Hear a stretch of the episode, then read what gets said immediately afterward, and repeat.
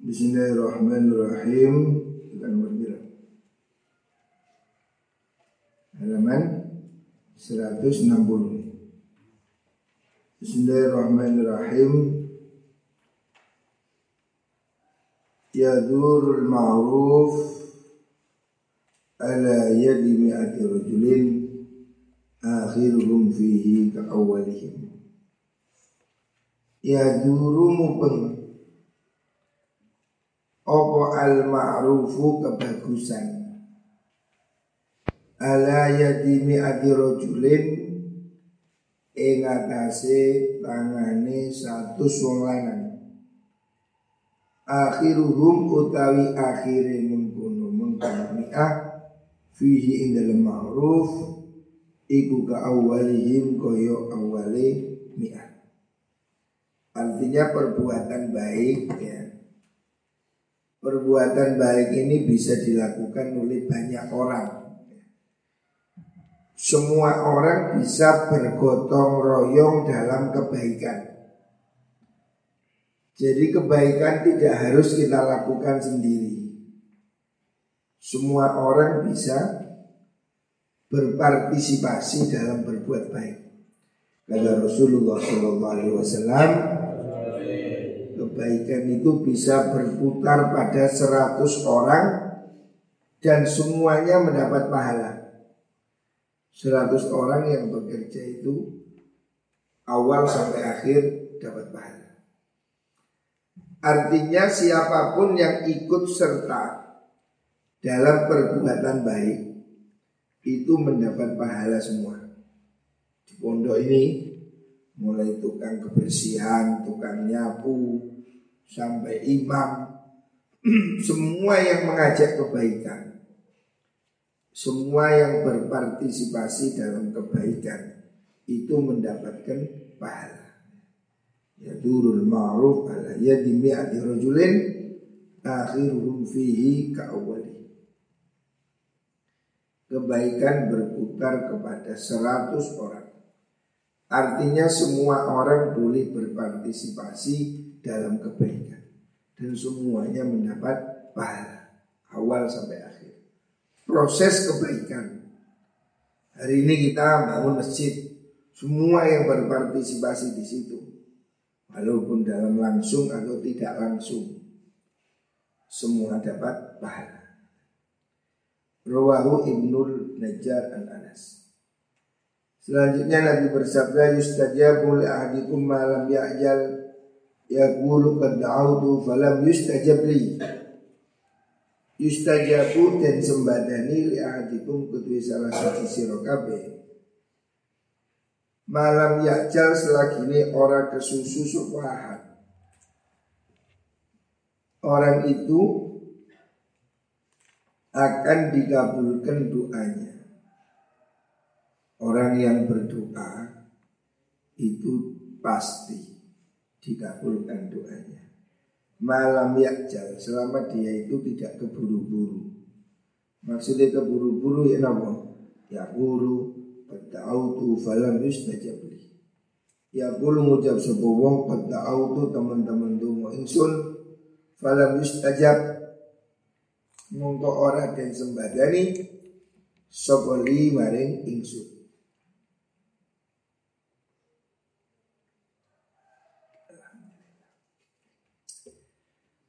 Artinya orang ini harus tetap optimis. Berdoa. Memang perlu waktu ya. Allah sudah menjamin Semua doa akan dikabulkan.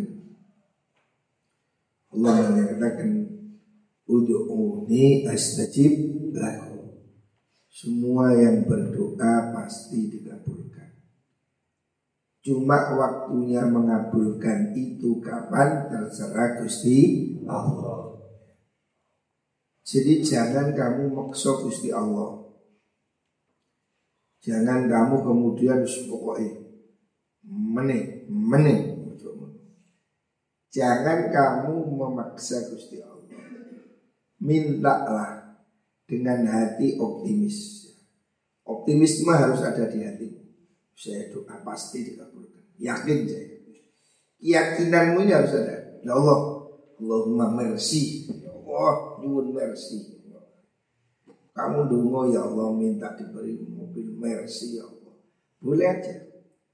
Waktu ini kapan ya bu, ya bu 10 tahun, 25 tahun, ya coba langsung mercy.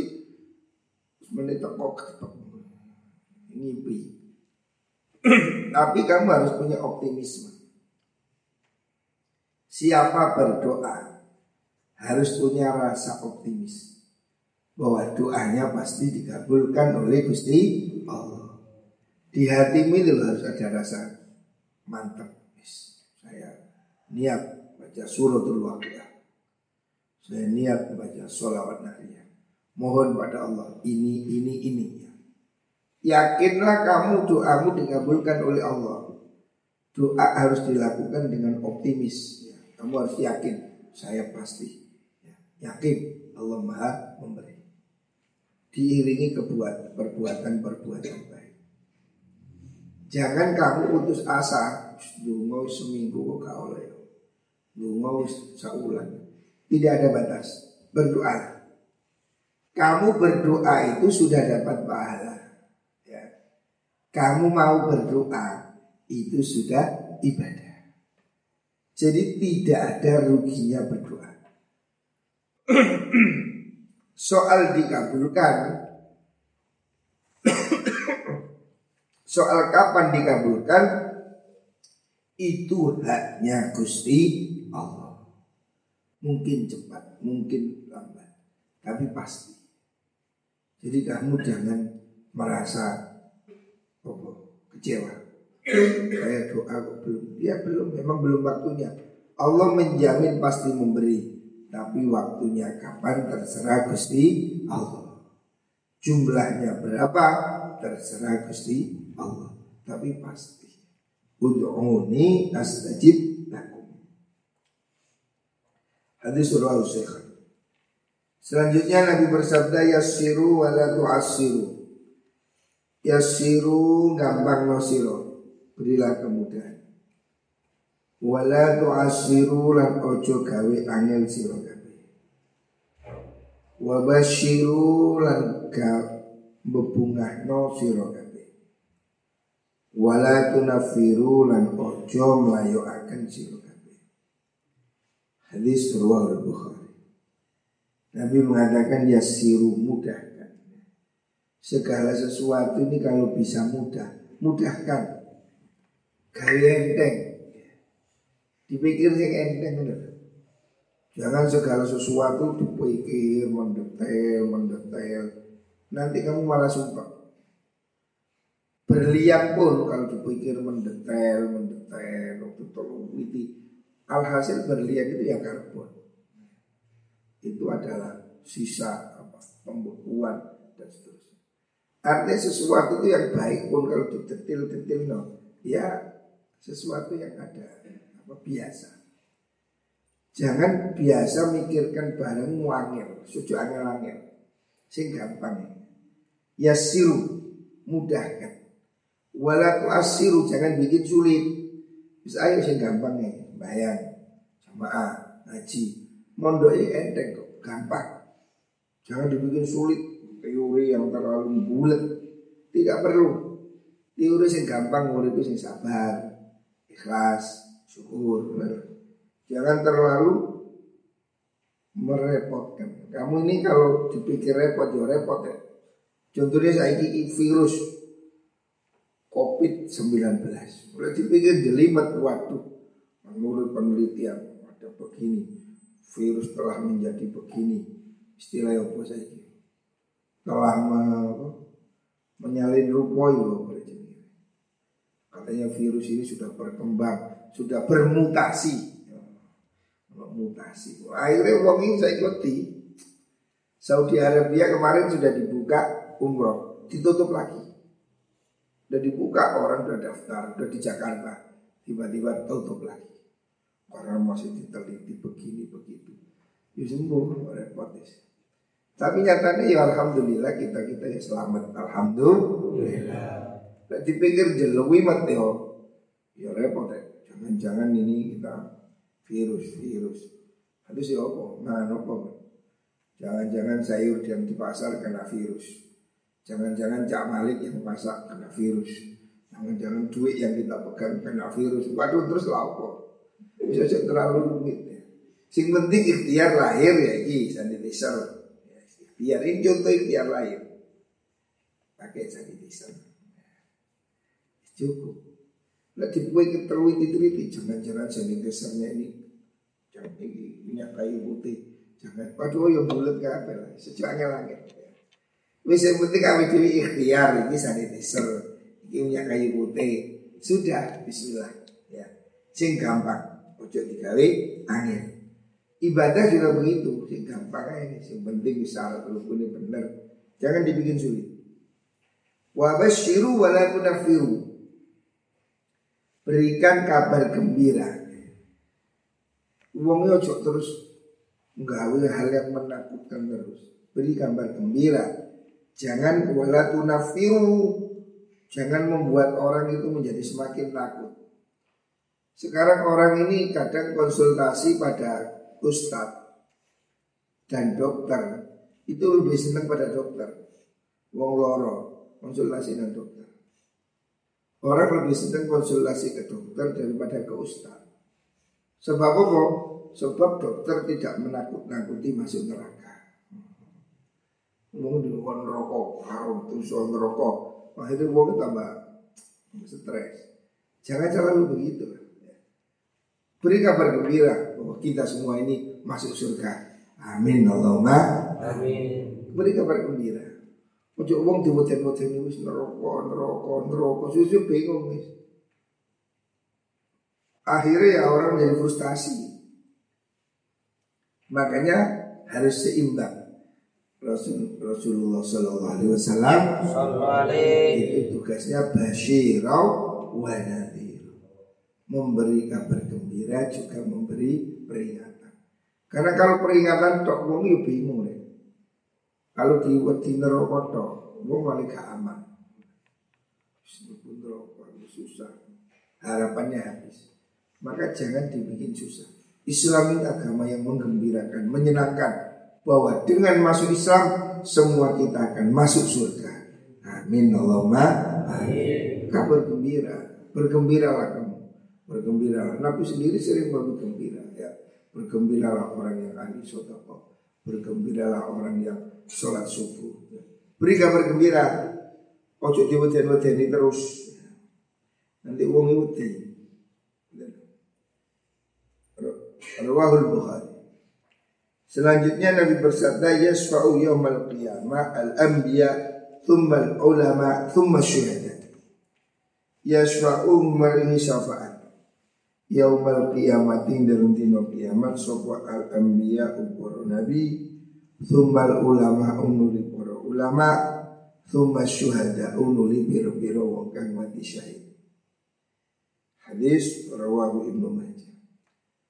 Artinya bisu pada hari kiamat. Pada hari kiamat itu tidak ada pilihan lain. Yang ada hanyalah surga dan neraka. Jadi pilihan yang ketiga tidak ada. Rumah di surga ini hanya ada dua.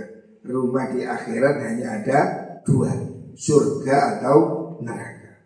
Lah, besok orang-orang yang masuk surga ini memang punya fasilitas. Tapi orang-orang yang di neraka ini masih ada harapan. Harapan tidak masuk neraka itu salah satunya adalah syafaat. Orang-orang yang meskipun berbuat dosa, contohnya ngaji ngantukan ngaji ngantukan. Orang-orang yang amal-amalannya kurang, ini masuk ke surga berat. Tapi dia masih ada kemungkinan mendapat syafaat. Ditulung. Siapa yang bisa nulung? Yang pertama al-anbiya. Orang-orang yang memberi pertolongan itu para nabi. Tentu saja yang pertama adalah Nabi Muhammad SAW. Kanjeng Nabi pasti bisa menolong kita. Kanjeng Nabi pasti menolong umatnya supaya tidak masuk neraka. Semakin orang itu banyak baca sholawat, Semakin dia cinta pada Rasulullah Sallallahu Alaihi Wasallam, dia ada harapan ditulungi syafaatnya kanjeng Kemudian ulama, ulama juga memberi syafaat. Terus kemudian cuma syuhada, kemudian orang-orang pejuang yang mati syahid. Makanya kita ini berkumpullah dengan orang baik. Kumpulono wong soleh, kumpulono para wali, ulama. Sebab besok mereka itu punya hak syafaat. Orang-orang baik, orang-orang soleh, para ulama itu besok mendapatkan kuota syafaat. Mereka akan menulungi santrinya, temannya ya. Kalau kita berteman dengan ulama, kita dekat dengan ulama, kita dekat dengan aulia, berharap kita seandainya tergelincir ke neraka Muka-muka kita diiling Diselamatkan masuk ke surga. Jadi Kita ini sambung menyambung guru. Guru saya, gurunya, gurunya. Ini supaya apa? Besok-besok kita ini rombongan. Besok-besok orang itu akan yaumayut akullu unasim bi imamihim. Semua orang ini besok akan dipanggil sesuai rombongan imamnya siapa Muka-muka imam kita adalah Rasulullah Sallallahu Alaihi. Kita ini besok akan baris di belakangnya Nabi. Nabi belakangnya sahabat santrinya terus sampai guru kita. Di situ kita berharap. Jadi orang-orang yang baik, para aulia, para ulama itu mendapat kuota syafaat. Kita-kita ini mugo-mugo katut. Amin Allahumma amin. Makanya hubungan dengan guru itu tidak boleh hilang. Hubungan kita dengan guru kita sambung ya. Supaya besok kita baris sampai ke surga. Rawah Ibnu Selanjutnya Nabi bersabda ya gulam ikhfadillah yakhfadka. Ya gulamu he bocah Wahai pemuda Nabi beri nasihat anak-anak. Ilfat ngerkso siro Allah in Allah. Yakfadka mongko bakal ngerkso sopa Allah ka ing siro Kalau kamu menjaga Allah Artinya menjaga perintahnya Menjauhi larangannya Allah akan menjaga kamu. Kamu ini tidak hidup sendiri kamu hidup bersama Gusti Allah. Kalau kamu menjaga Allah, artinya kamu menjaga perintahnya, kamu patuh, maka Allah akan menjaga. Ikhfadillah tajidhu tijahaka Jagalah ikhfad ngerso sira Allah in Allah Tajidhu mongkon nemu sirahu in Allah Tijahaka ing dalam ngarep sirah kalau kamu menjaga Allah, artinya menjaga hak Allah, jaga perintah-perintahnya, jauhi larangannya. Allah ada di depan. Allah akan menolong kamu. Ya. Di mana pun kamu berada, kamu bersama Gusti Allah. Jangan takut. Hidup di desa, hidup di mana pun. Ya. Sing santri-santri ini harus mulai berkembang kita ini kalau mau pergi pindah tempat hijrah. Kalau di Indonesia ini ke timur masa depan itu semakin apa harapan itu semakin tinggi. Saya dulu ada empat alumni Anur ini pergi ke Kendari. Hari ini semuanya sukses. Masing-masing punya lembaga punya pesantren ada yang jadi pengusaha jadi jangan takut kamu jauh dari rumah. Di mana pun kamu selalu bersama Gusti Allah. Selama kamu mendekat pada Allah, kamu beribadah, kamu apa itu taat. Jangan takut. Hari ini perlu santri-santri ini ada yang pergi ke Papua, ke NTT, dakwah. Jadi kiai di Papua, orang sing koteka koteka perlu itu. Santri harus ada yang berani pergi jauh. Dulu Nenek moyang kita ini dari Arab, dari Yaman pergi ke Indonesia. Mereka tidak takut hidup di mana-mana sama saja. Orang-orang ini, anak-anak muda ini harus berani. Jadi kamu ini jangan jadi penakut. Di mana pun ada Gusti Allah. Jadi jangan takut kamu pergi daerah yang jauh. Apa? Dakwah. Sekarang ini dibutuhkan anak-anak yang berani pergi ke Indonesia Timur. Di Malang sudah banyak kiai. Coba kamu pergi ke NTT, ke Inde, ke Flores, daerah-daerah pedalaman. Jangan takut di mana pun kamu berada, kamu bersama Gusti. Wa idza sa'alta nalikanin jaluk sira fas'al mongkon jaluk sira Allah ya Allah. Kalau kamu minta, mintalah pada Allah. Apakah tidak boleh tawasul? Boleh. Karena tawasul itu yang sesungguhnya tetap memohon pada Gusti Allah. Tidak tawasul pada Syekh Abdul Qadir Jailani, tawasul dengan Sunan Ampel. Kita sesungguhnya tidak minta pada orang, yang kita minta tetaplah Gusti Allah. Wa idza sta'anta fasta'in billah. Wa idza sta'anta nalikane jaluk pitulung sira Fasta'in mongkon jalu api tulung sirot billahi kelan Allah azza wa jalla. Kalau kamu minta tolong, minta tolonglah pada Allah. Artinya bukan berarti tidak boleh minta tolong pada manusia. Semua ini lantaran kodom ini loh. Kamu perlu berobat. Sakit perlu obat. Obat pergi ke mana? Ya dokter. Kalau oh, minta tolong pada manusia, iya manusia ini yang di, oleh Allah diberi ilmu untuk nulung. Jadi ya pertolongan Allah itu ya ada yang lewat manusia seperti kita sakit, ya pergi ke dokter. Lu kenapa nggak langsung pergi dengan Allah? Ya udah lo dewi di si Ya kita ini minta tolong pada Allah. Lantaran sopo dokter dokter ini orang yang oleh Allah diberi ilmu untuk mengetahui atau mengobati penyakit.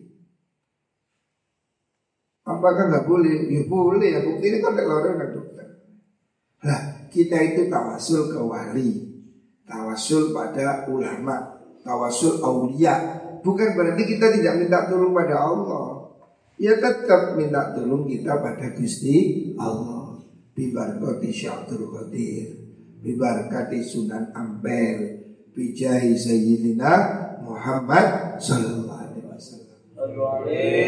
Mintanya tetap pada Allah Cuma perantara Ya sama dengan kamu sakit Kenapa kamu gak langsung minta obat pada Allah? Ya Allah obat. Kirimkanlah obat. Misalnya lu. Allah memberi kami pertolongan. Loroteng lewat opo promak. Itu kiriman Allah kirim pertolongan. Ada orang salah paham menafsiri ini. Orang-orang Wahabi itu kan tidak mau tawasul, tidak mau apa? Perantara, karena hadis ini dimaknai retorlek. Kalau minta tolong, minta tolonglah pada Allah. Hari rumahnya kebanjiran, kebanjiran dia naik ke atas genteng. Ya wis, minta tolong ya Allah, tolonglah kami. Ada tim sar datang bawa perahu. Ayo kami, ayo pak naik perahu. Enggak, saya minta tolong pada Allah. Itu siapa? Ada tim SAR kirim ambulan. Apa kirim apa? Helikopter. Ayo Pak ditolong Pak. Enggak, saya tidak tolong Allah. Yo kerem kon. Yo goblok. Ini minta tolong Allah. Allah kirim pertolongan lewat siapa? Lewat tim SAR.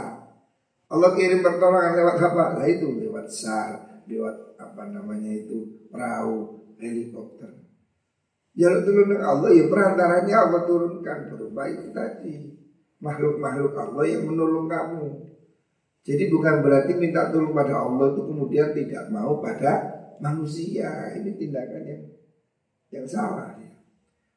Jadi orang Wahabi, ya, orang-orang ini kadang bodoh, tidak mau tawasul.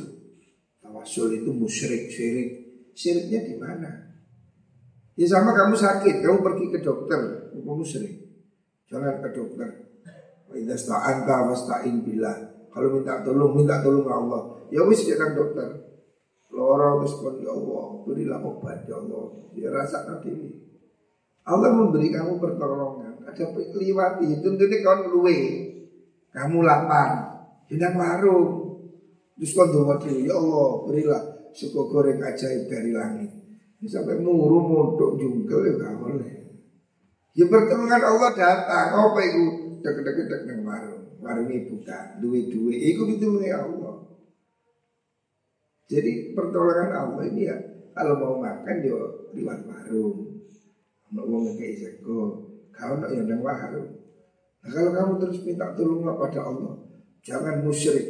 Ya wes, kalau kata makan mana coba boleh beras, minta tolong pada Allah. Itu mendem. Jadi namanya tawasul itu tidak menghilangkan apa? Itu cuma lantaran. Sama kalau kita sakit butuh obat. Saya ya lantaran ini minyak kayu putih. Sekarang ini jadi salah satu obat. Jadi lantaran. Tidak boleh meniat ini menyembuhkan tidak bisa. Yang menyembuhkan adalah Gusti Allah. Lantaran ini kilo lantaran ini lantaran ya kayu putih sanitizer ini lantaran ya. ya sama kita berdoa beristighosa ziarah aulia semua itu lantaran yang menolong tetap saja Gusti Allah nah waktu terus kebanjiran gak ada yang lagi ya di pertolongan Allah datang melalui tim sar. Sakit Allah memberi pertolongan. Lalu kata apa? Obat. Obat itu toh hakikatnya juga dari Gusti Allah. Benar. Selanjutnya Nabi bersabda,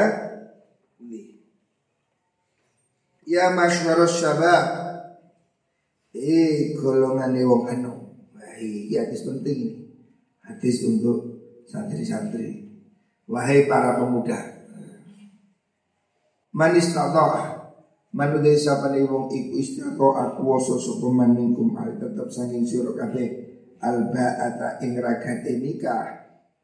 Siapa kamu yang sudah punya ongkos? Sing wis kepingin tapi duwe ongkos. Lek kepingin tok kabeh yo kepingin rek. Kalau ada gak kepingin. Masih arek cilik-cilik ngono iki kepingin kabeh laki-laki normal ya kepingin. Semua orang ini memang sudah apa kodrat laki-laki kepingin pada perempuan. Itu tidak salah. Sing salah itu laki-laki pingin pada laki-laki. Itu sing Lek wong lanang seneng wong wedok itu wajar, boleh, normal. Makanya Nabi mengatakan wahai anak muda, manis tato amin kumul ba'ah fal yatazawwaj. Le awakmu wis duwe ongkos, wis duwe mahar, rapi yo aja bondo mek pentungan tok. Rapi yo ono mahar, ono nafkah ngono.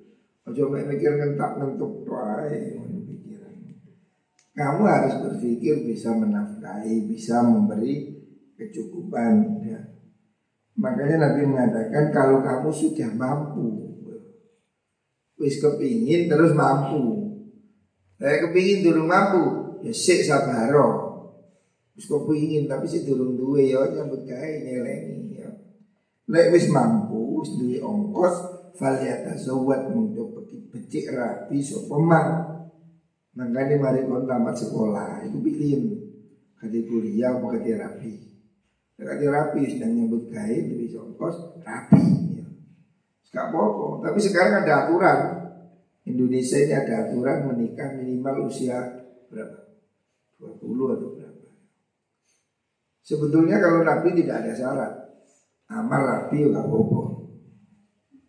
Umur 15 tahun rapi ya gak apa-apa. Di manuk rapi ya gak apa-apa. Tapi aturan negara ada cili-cili rapi bahaya mulai rapi minggat rapi pekat maka negara memberi batasan 20 atau 25 ada ada batasnya. Pokoknya kalau Nabi mengatakan tidak kumul, yang penting duit-duit punya ongkos rabio. Fa innahu sedene nikah iku aghaddu luwih ngeremaken lil basori maring peninggal. Karena kalau kamu menikah kamu itu bisa menjaga penglihatan. Artinya wis gak pati kepingin, yo kepingin si ono rek, kon di bojo. Kan wis duwe ayat, ono sing diwasno. Mangkane awakmu duwe bojo, kok kepingin duwe wong, aku kok uh, sedang mulia, cekel duwe bojomu.